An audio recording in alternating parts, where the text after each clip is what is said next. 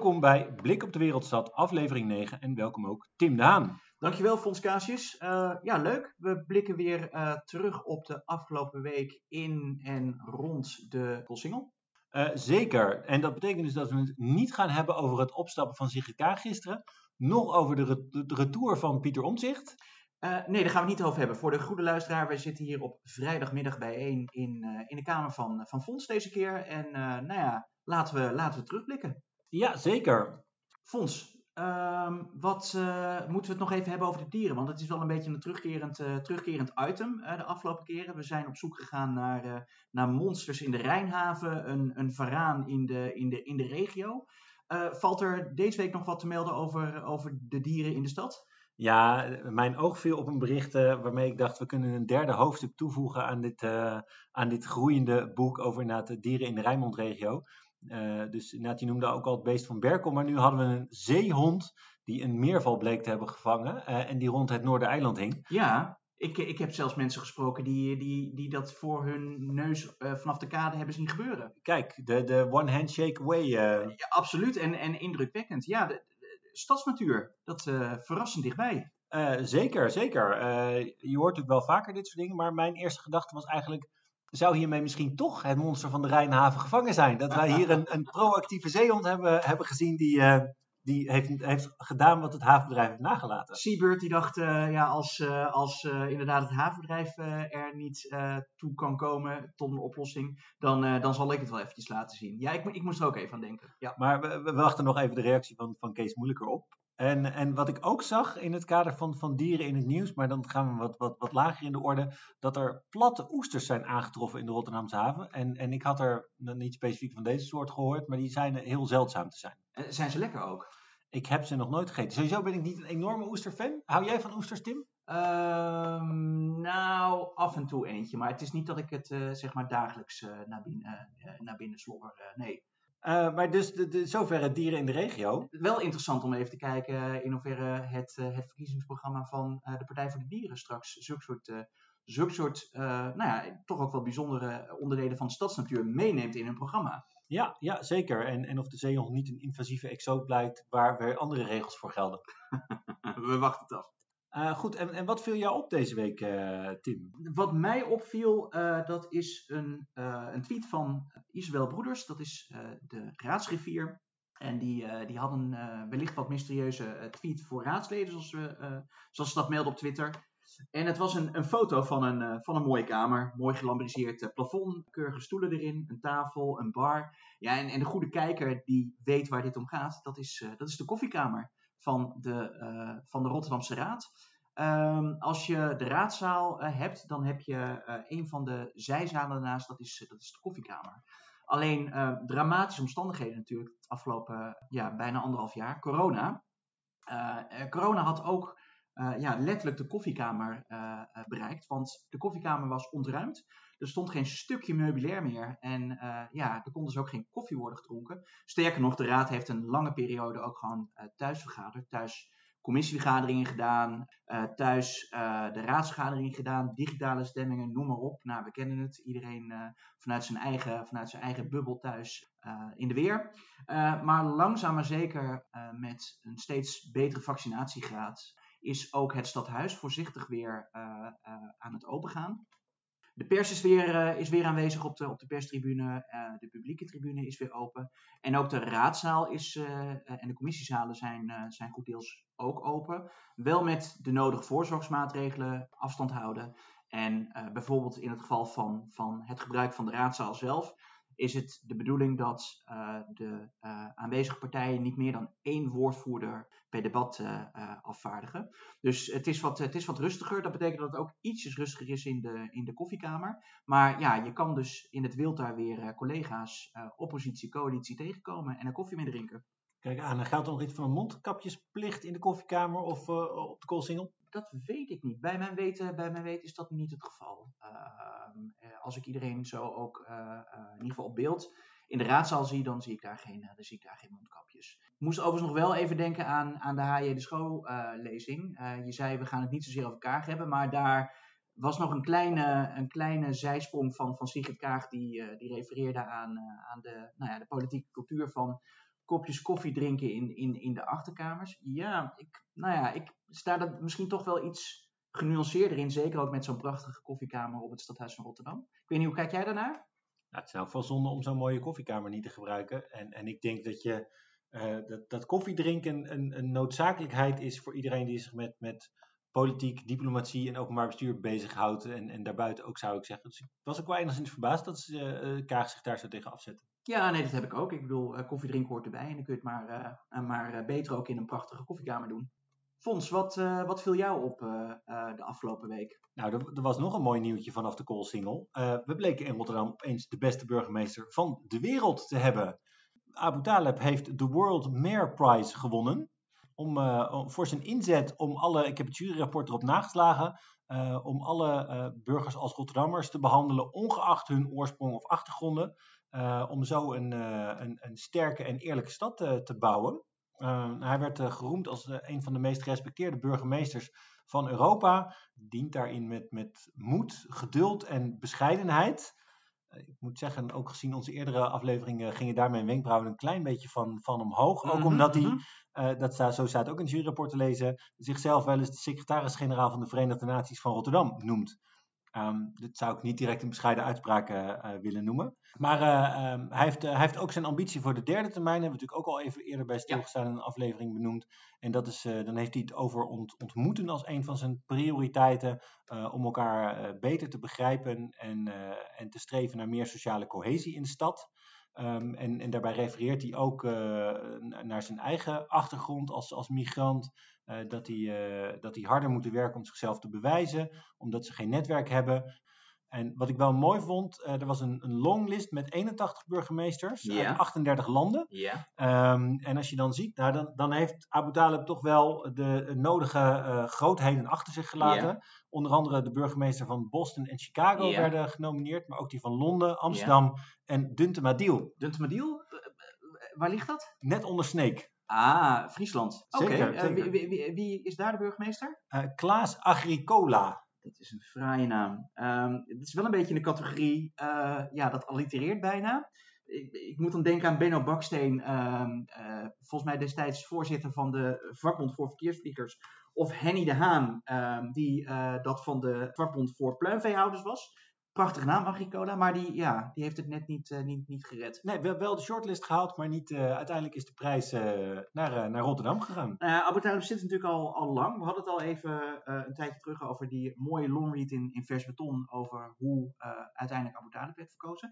Zijn start was natuurlijk wat, nou, nog, misschien nog wel eventjes wat, wat, wat voorzichtig en ook lastig.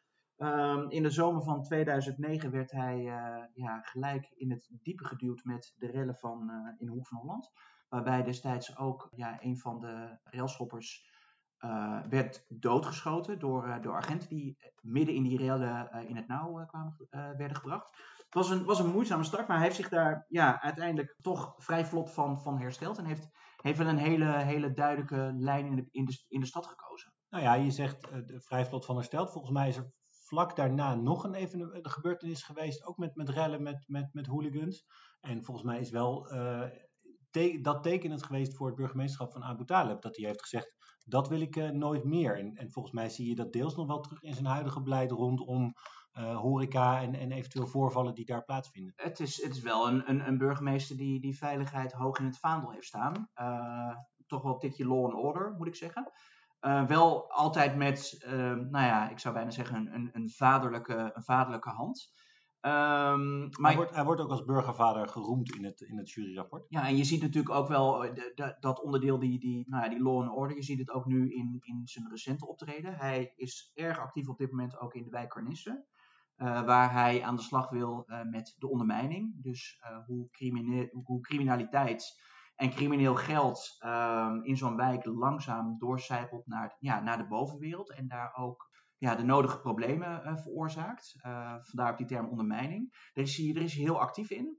Ik denk ook als je gaat kijken en je gaat het ook vragen in de stad zelf, uh, dat, dat de Rotterdammers ja, ook met hem weglopen. Het is, een, het is een zichtbare burgemeester. Het is een burgemeester die eigenlijk goed bereikbaar en benaderbaar is. Als er problemen zijn, zeker uh, daar waar ze betrekking hebben op nou, een beetje die, die law and order en, en, en burgers die in de knel komen. dan reageert hij daar heel erg snel op, vaak ook persoonlijk. Is goed in contact met, met de burgers. Organiseert ook ja, tours door de wijk, waarin hij met de driehoek ja, in, een, in een wijkgebouwtje zit aan tafel en bewoners langs kunnen komen en hun, ja, hun zorgen op tafel kunnen, kunnen leggen. Ja, en, trekt daar volgens mij ook wel uh, daarin, daarin fel van leer. Ik kan me nog herinneren een documentaire die ik op een gegeven moment heb gezien over uh, um, een, een bijeenkomst in de Beverwaard, omdat daar een AZC zou komen, eigenlijk na, met, de, met de, de vorige vluchtelingencrisis. En er was commentaar van bewoners van de slaap in Rotterdam, al zoveel mensen op straat, dus waarom moeten wij die mensen hier gaan opvangen? En toen reageerde Abu Talib vrij direct van, als er iemand op, vanavond op straat slaapt, laat het me weten en ik ga het regelen. Ja. Nee, hij is altijd wat dat van de, van de stevige uitspraken. Ik denk dat, dat dat ook veel mensen in hem waarderen. Daar krijgt hij soms ook wat kritiek uh, op. Uh, denk bijvoorbeeld uh, destijds aan zijn uitspraken rondom Charlie Hebdo.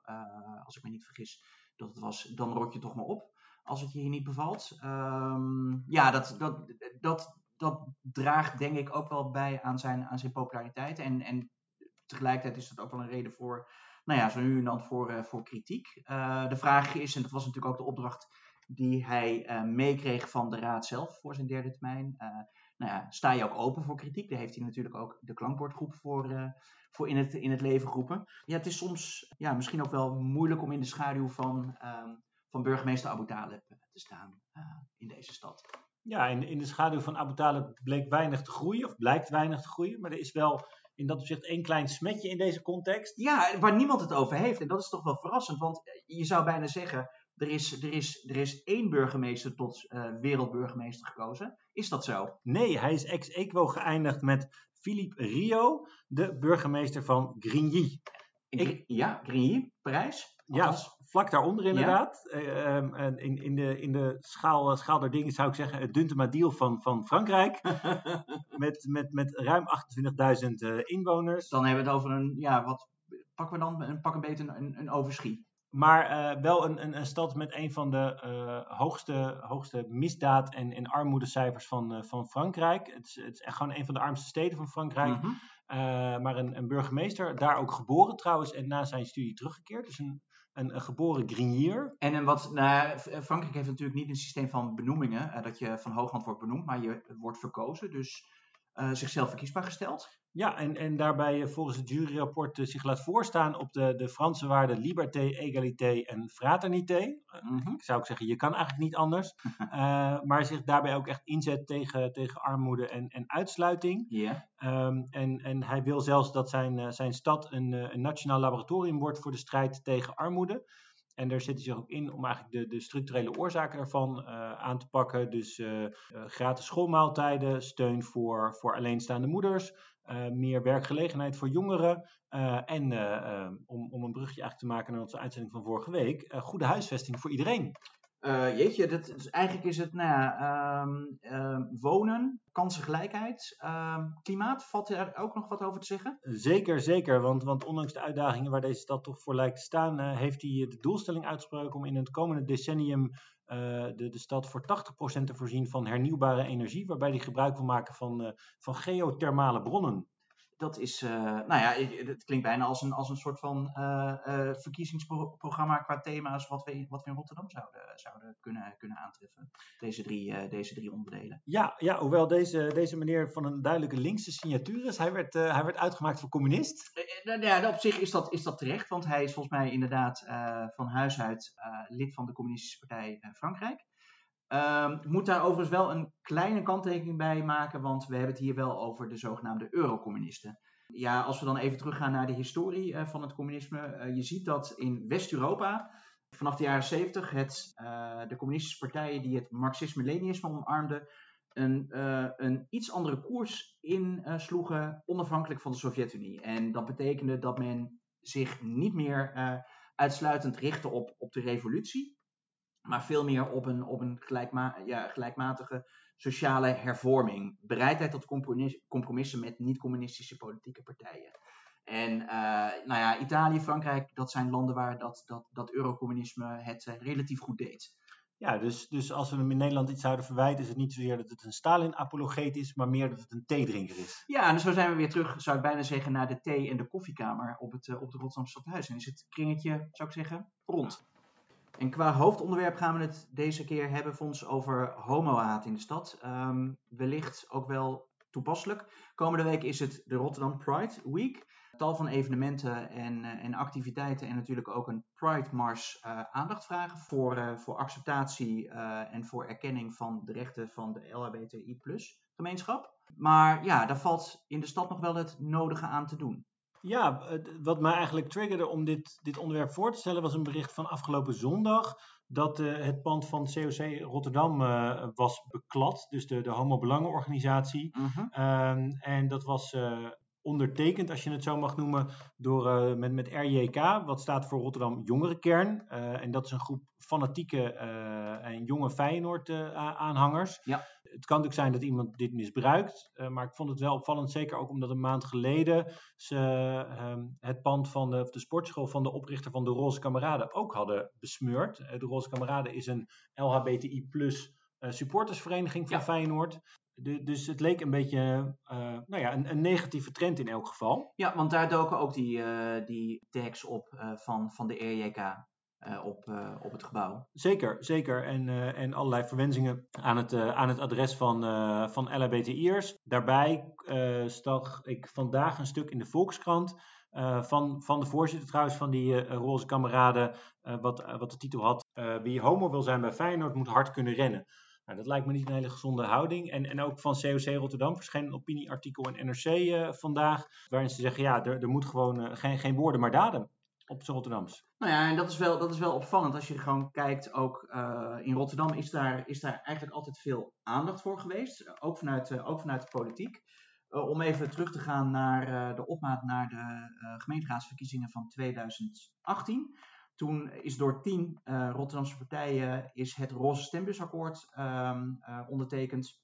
Samen met het COC om zich ook ja, na de verkiezingen in te zetten voor de LBTI-gemeenschap. Um, uh, inzetten op meer veiligheid, op meer voorlichting en, en, op meer zichtbaarheid. En als je dan vervolgens ook kijkt dat uh, onder destijds uh, wethouder ehm, Bert Wijbega het beleidstuk Relax, dit is Rotterdam is gelanceerd.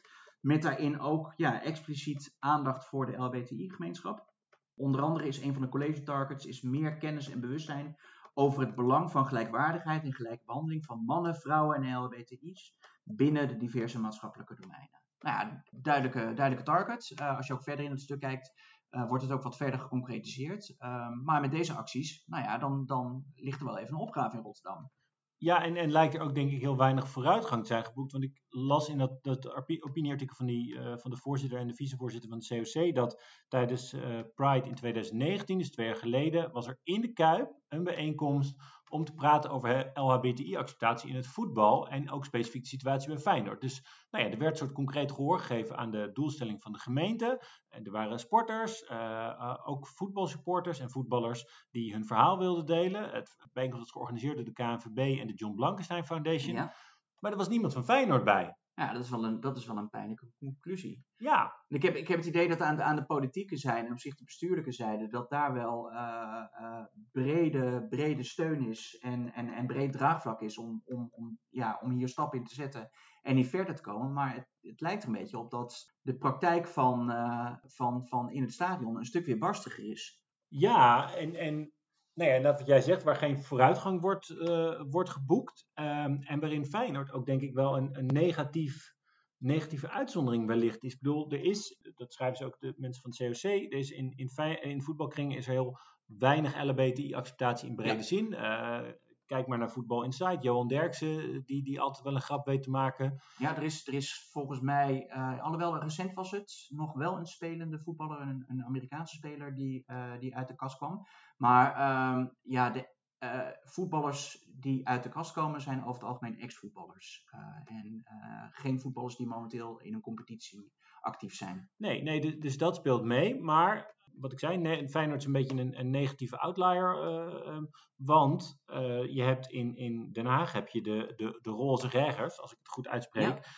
wat dus wel goed gaat, terwijl Den Haag toch ook niet echt, of de ADO Den Haag niet per se bekend staat als de meest genuanceerde voetbalsupporter, zou ik zeggen. Nee, wat ik, wat ik daar wel van meekreeg, en dat vind ik ook wel een bijzonder verhaal, is dat daar was in het begin ook nog wel even wat, wat, wat consternatie omheen. Volgens mij was er wat, uh, wat gedoe met een vlag, ook in een supportershome.